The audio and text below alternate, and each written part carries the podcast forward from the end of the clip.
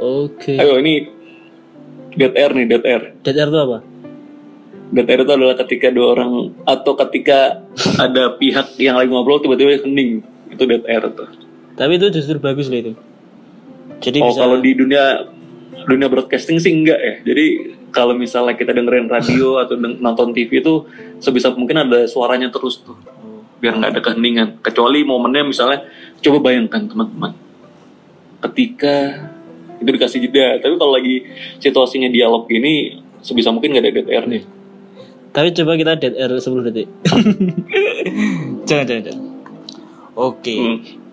Jadi selama kamu di Bandung 2 tahun ini malah ini ya eh, setahun pertama kan kuliah atau itu. Terus di tengah-tengah kan ada wabah, ada pandemi kan. Mm-mm.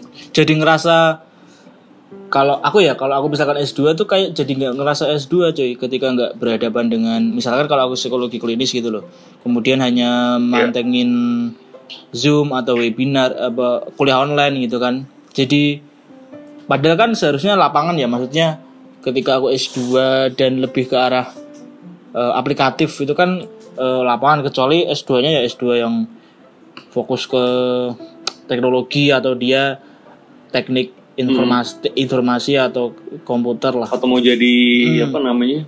Pokoknya nggak berhadapan di lapangan. Hmm, tenaga pelajar gitu ya. betul. Eh, ketika juga. ke- eh, menurutku manajemen kan eh, juga nggak sepenuhnya internet kan tidak sepenuhnya daring kan tetap ada di lapangannya aplikatifnya tetap ada di lapangan seperti psikologi juga psikologi sosial maupun Setuju. psikologi yang lain gitu nah Ya setuju.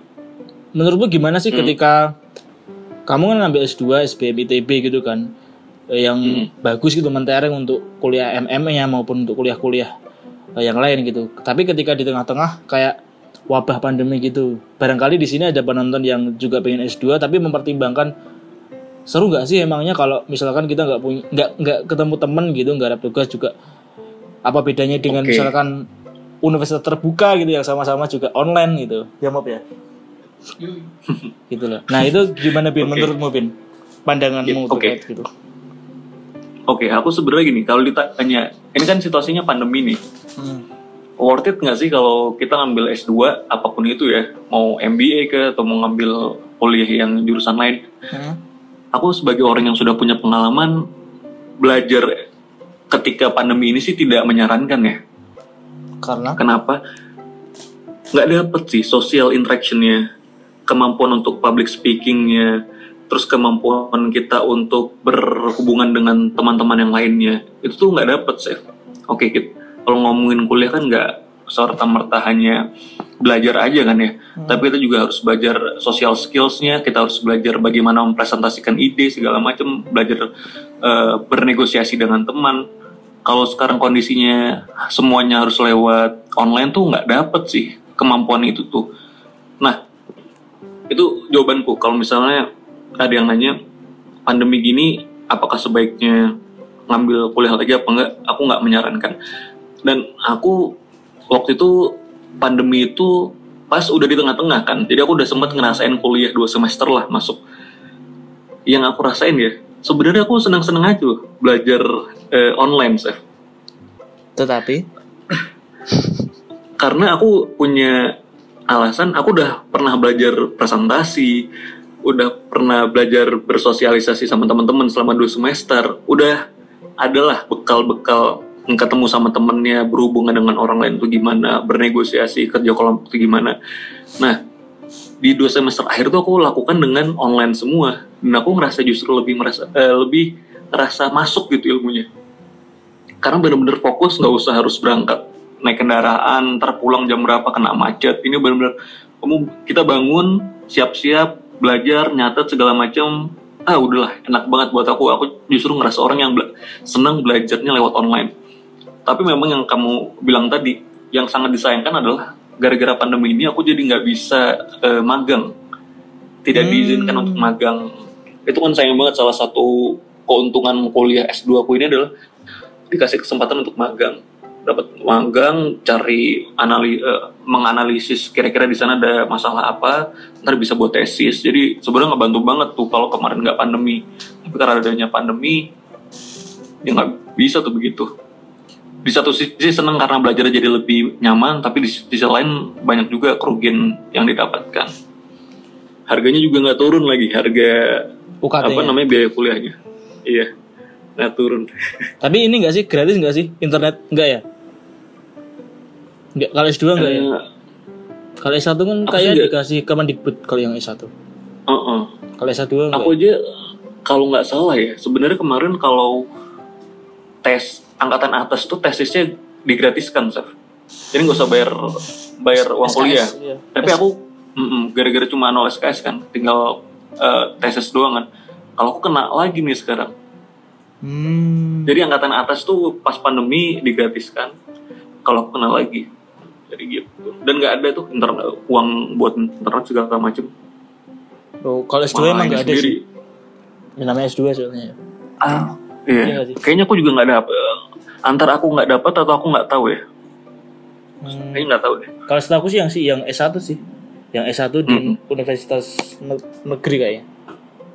Eh, bentar, bentar. Kayaknya kayaknya dikasih penawaran gitu deh. Cuma nggak aku ambil. Oh. Karena alhamdulillah ada ada wifi juga di rumah. Oke. Nah. Jadi memang situasi pandemi ini ini Chef. Wah, tidak tidak inilah. Tidak bisa 100% lah. Aku membayangkan mau di Ayunda kuliah kan mau di Ayunda juga Stanford. kuliah MBA kan dia di, di Stanford ya. Hmm. Cuma kalau mau di Ayunda kalau nggak salah dia di di apa asrama gitu. Hmm. Jadi masih dari satu lokasi dengan kampusnya. Dan sepertinya udah bisa kuliah tatap muka deh dia. Nah kalau kalau kamu kan ada magangnya gitu ya, kamu sebelum jauh ke semester sekarang ini berarti udah mikir akan magang di mana gitu nggak? Awal-awal kuliah atau bahkan ketika pendaftaran di ITB? Oh, kalau itu enggak. Kalau mikirnya di mana enggak. Karena biasanya Ditentukan. eh, nggak ditentukan juga sih. Memang bisa milih sendiri sih. Hmm. Tapi di lain sisi juga ada kayak kerjasama, Chef. Jadi pihak kampus tuh juga udah punya link. Biasanya ntar mereka perusahaan-perusahaan lain yang menawarkan nih siapa tahu mau internship di sini segala macam. Nah, waktu itu aku nggak mikir Mau ke mana ya? aku harus di sini aku harus eh, aku mau ke mananya karena kayaknya sih untuk bisa internship gitu perlu banget orang dalam juga ya untuk lebih mempermudah. Sementara aku nggak ada. Jadi saat itu aku sebenarnya belum kepikiran mau internship di mana tapi udah tahu aku ntar mau marketingnya gitu kalau bisa. Kalau rata-rata itu orang-orang yang kakak-kakak angkatanmu yang magang itu ke Jakarta gitu atau sembarang sebenarnya? Ke Bali? atau- Karena karena internshipnya itu cukup lama ya. Hmm? kayaknya bisa sampai ini loh, Chef. Eh, tergantung mereka tinggal di mana. Misalnya ada yang asli Jakarta ya udah mereka ntar magangnya di, di daerah Jakarta atau misalnya orang Jogja gitu ya udah ntar balik cari magang di tempat kuliahnya eh, di tempat tinggalnya gitu. Jadi benar-benar nggak bisa nggak bisa tahu deh aku kebanyakannya di mana. Hmm. Ini beneran gak bisa magang berarti ya sampai kamu lulus kan tinggal tesis atau Iya. wisuda. Udah nggak udah nggak mungkin bisa magang lagi. Kemarin soalnya gini Chef. Magangnya itu diganti dengan mini final project. Mini Jadi- final project. Iya, jadi kayak bikin tesis versi lebih ringkasnya gitu. Pengganti magang. Itu udah selesai berarti. Udah Hmm. Eh kelompok gitu itu deh. atau individual? individu, individu. Itu wah iya gitu deh. Oh. Ya begitulah. Pengganti. Dipresentasikan gitu. Dipresentasikan. Terus Enggak. untuk untuk kenang-kenangan dong. kenang-kenangan pernah kuliah di Supaya situ. ada, kan. supaya ada kegiatan aja kayaknya. Karena gini, ku- ku- Mm-mm. Hmm. Jadi itu kan ibaratnya semester pendek lah. Kalau di kita kan dulu belum ada ya. Kita dulu di S1 nggak ada ya semester pendek ya. Belum. Kalau di sini ada semester pendek. Jadi itu semester pendek biasa dipakai buat magang. Tapi karena kemarin pandemi aku bikin mini final project itu. Jadi coba cari kasus. Kira-kira ada perusahaan apa yang lagi punya masalah boleh karena pandemi, boleh udah dari kemarin-kemarin. Tapi karena keterbatasan eh, waktu dan tempat, semuanya itu data sekunder, eh, Chef. Jadi harus cari di internet. Jadi akhirnya cari-cari berita, cari-cari penelitian sebelumnya, akhirnya bikinlah final mini final project itu. Mini final project itu tuh benar-benar hasil nggak ada interview orang dalam, nggak ada interview perusahaan, nggak ada. Kalau aku ya, aku nggak ada diskusi sama dosen. Jadi ya udah kamu bikin sendiri, ntar kumpulin deh, gitu. Itu doang. Nggak ada Dari koreksinya berita-berita ntar gitu di ya? mana. Dari berita-berita Kenapa? gitu. Dari berita gitu Iya. ya. Betul. Dari YouTube apa- itu juga kamu cari gitu. Mm-mm. Hmm. Yang aku agak sayangkan adalah nggak ada interaksi dua arahnya. Sebenarnya bisa sih, Steph. Jadi kayak misalnya kamu lagi udah ngerjain nih dua bab, terus kamu submit itu ke pihak kampus, ntar dikasih feedback segala macam. Hmm. Tapi kalau nggak gitu juga nggak apa-apa. Nah itu loh. karena nggak apa-apa nggak nggak- nggak submit buat minta feedback dari kampus, jadinya aku ya udah kerjaan sendiri sampai tuntas baru dikirim. Oke. Jadi Tapi- kurang kurang sebanding lah Kurang sebanding dengan pengalaman ma- pengalaman magang dan pengalaman bikin mini final project tuh. Dan dapat nilai nggak sih itu? Dapet dong. Tahu dapat ya. Aku kira nggak dapat. Kalau magang kan dapat Iya, dan dapat Kalau ma- upah kan. Dapat penghasilan kan. bisa Hmm. Bisa dan besar kemungkinan juga kalau performanya bagus bisa ditarik buat betul wah itu ada yang bisa gantiin pengalaman magang sih. Iya ya, betul betul betul. Bahkan kalau di S1 psikologi UGM itu juga nggak ada ya. Itu juga sangat disayangkan ya teman-teman. Nggak ada apa Nggak magang. ada magang, iya kan? Eh, iya, ini balik lagi ke kesadaran mahasiswa ya. Kalau mau magang silakan, kalau enggak ya udah gitu. Ya kalau di Tidak. ITB lebih di gimana? Kalau di psikologi malah dari 180 tuh yang magang cuma satu paling. Hmm. Iya kan? Kalau di Ini yang masih ngomongin magang ya? Iya, ha. maksudnya kalau di Kalau- SM itu wajib. Di SM Iya. ITB Jadi, wajib ya. Heeh, jadi ada minimal berapa hari magang gitu. Ntar kita harus bikin laporan. Oh, udah magang berapa hari, menemukan kasus apa aja, propose solutionnya seperti apa gitu. Jadi memang kita didorong supaya bisa punya pengalaman langsung di dunia kerja. Bagusnya gitu. Memang perusahaan, memang kampus memfasilitasi itu. Itu sih menurutku juga nggak tahu ya. Walaupun itu balik lagi kesadaran mahasiswa, tapi akan sangat baik kalau tiap kampus bisa ngasih fasilitas itu ya, Sangat-sangat baik. mendorong mendorong gitu. Oke. Mungkin itu dulu Bin kita membahas tentang SMITB. Semoga teman-teman pendengar temannya teman di sini ya mempertimbangkan kalau misalkan ingin kuliah manajemen bisa ke ITB atau ke universitas yang lain. Tapi yang jelas di ITB wajib magang dan jangan takut magang karena dengan magang teman-teman bisa mendapatkan pekerjaan jika performanya bagus atau kalau tidak bagus ya minimal dapat nilai. Bukan begitu bintang? Mm-mm. Betul sekali. Jadi eh, aku juga mau ngejelasin sedikit lah siapa aja sih yang harus kuliah di MBA gitu ya. Siapa tuh Bin? Yang pertama. Kalau kalau yang di tempatku nih ITB. Ini nggak apa-apa ya, aku panjang dikit lagi ya. Gak apa-apa, gak apa. Masih ada Jadi tiga jam. Oke, jadi kalau di tempatku itu ada beberapa gini Chef, kalau kita kuliah S1 psikologi kan kalau yang sekarang itu ada yang reguler sama yang IUP ya, yang internasional ya. Hmm.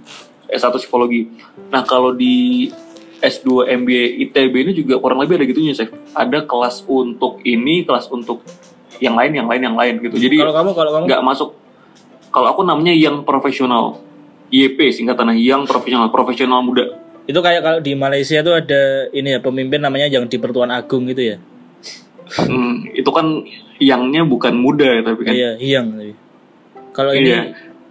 yang YA. profesional muda Hmm. yang yang lek yang lek Yoi. nah, gitu jadi kalau aku nih yang profesional itu memang buat dikhususkan untuk orang-orang yang punya pengalaman kerjanya masih cukup minim dari background pendidikan apa pun bisa dan mereka memang pengen masuk ke ranah manajerial jadi pengen kerja kerja di perusahaan pengen masuk ke eh, BUMN mungkin atau yang segala macamnya itu memang masuknya ke yang profesional yang aku sekarang tapi ada juga MBA untuk yang entrepreneurship jadi kalau misalnya mereka udah punya bisnis ibarat kata itu kalau startup itu ada apa nih inkubator, inkubator gitu lah. Ada inkubator. Ada ini, ada hustlernya, ada hacker dan ada hipsternya.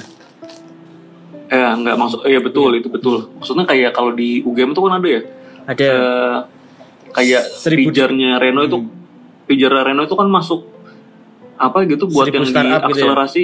seribu ah, startup jadi gitu ya. ah, ah, ah, jadi buat diakselerasi gitulah bisnisnya. Di MBA juga ada gitu. Ada juga yang kelas eksekutif, Chef. Itu khusus untuk orang-orang yang pekerja. Oh, yang Jadi kayak pengen mm-mm. kayak ini ya, misalkan dia dari PLN atau dari Wika atau dari Holcim gitu, Iya. kemudian S2 di di S2 kan lah istilahnya tuh. Iya betul itu buat biasanya untuk bisa cepat naik jabatan kan masuk Betul. MBA. dan menaikkan pendapatan. Betul sekali. Memang kalau nggak salah kalau kita udah kuliah S2 itu lebih cepat eh, naiknya gitu loh. Salah satu syaratnya untuk masuk ke level manajerial kan biasanya sih eh, level pendidikannya juga lebih tinggi dari S1 gitu. Jadi kalau misal kalau di sini aku memposisikan diri sebagai mahasiswa MBA, kenapa Ah. sih masuk MBA dan buat siapa sih MBA? Buat siapa pun bisa. Safe juga bisa. Brimob juga bisa Hmm. masuk MBA. Ntar bisa ngambil marketing, mau ngambil HR, mau ngambil finance, mau ngambil manajerial, banyak deh gitu. business plan gitu. Begitu kurang lebih MBA. Yang jelas ini ya Bin ya. Ada dana dan ada passion yang kuat untuk menyelesaikannya. Karena kalau Benar sekali. kalau ada dana tapi kemudian berhenti di jalan, ya lebih baik ditabung di bibit atau di ipot. Iya. Iya. Kalau misalnya, ya bener sih. Kalau misalnya teman-teman, kalau aku nih ya eh, marketing kan, Hmm. kalau punya dana tapi passionnya atau dorongannya nggak terlalu kuat ya udah ambil aja yang short course gitu loh yang tiga bulan kan ada tuh Di pelatihan pelatihan yang Oh. tiga bulan tapi itu dapat gelar kan ya? Beberapa ada yang dapat gelar kan ya? Eh kayaknya iya tapi fokusnya lebih ke ini saya ke job connector jadi Hmm. langsung dihubungkan dengan pencari perusahaan-perusahaan yang sedang mencari karyawan kan itu jadi lebih hemat waktu juga sebenarnya gitu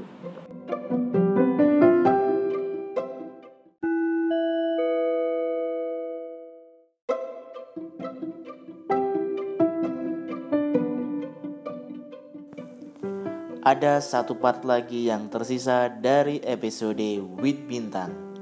Tunggu saja dan tentu saja tunggunya ya di temannya teman podcast entah di Spotify, Anchor FM, Google Podcast atau channel-channel yang lain. Yo yo yo yo yo yo yo yo yo yo.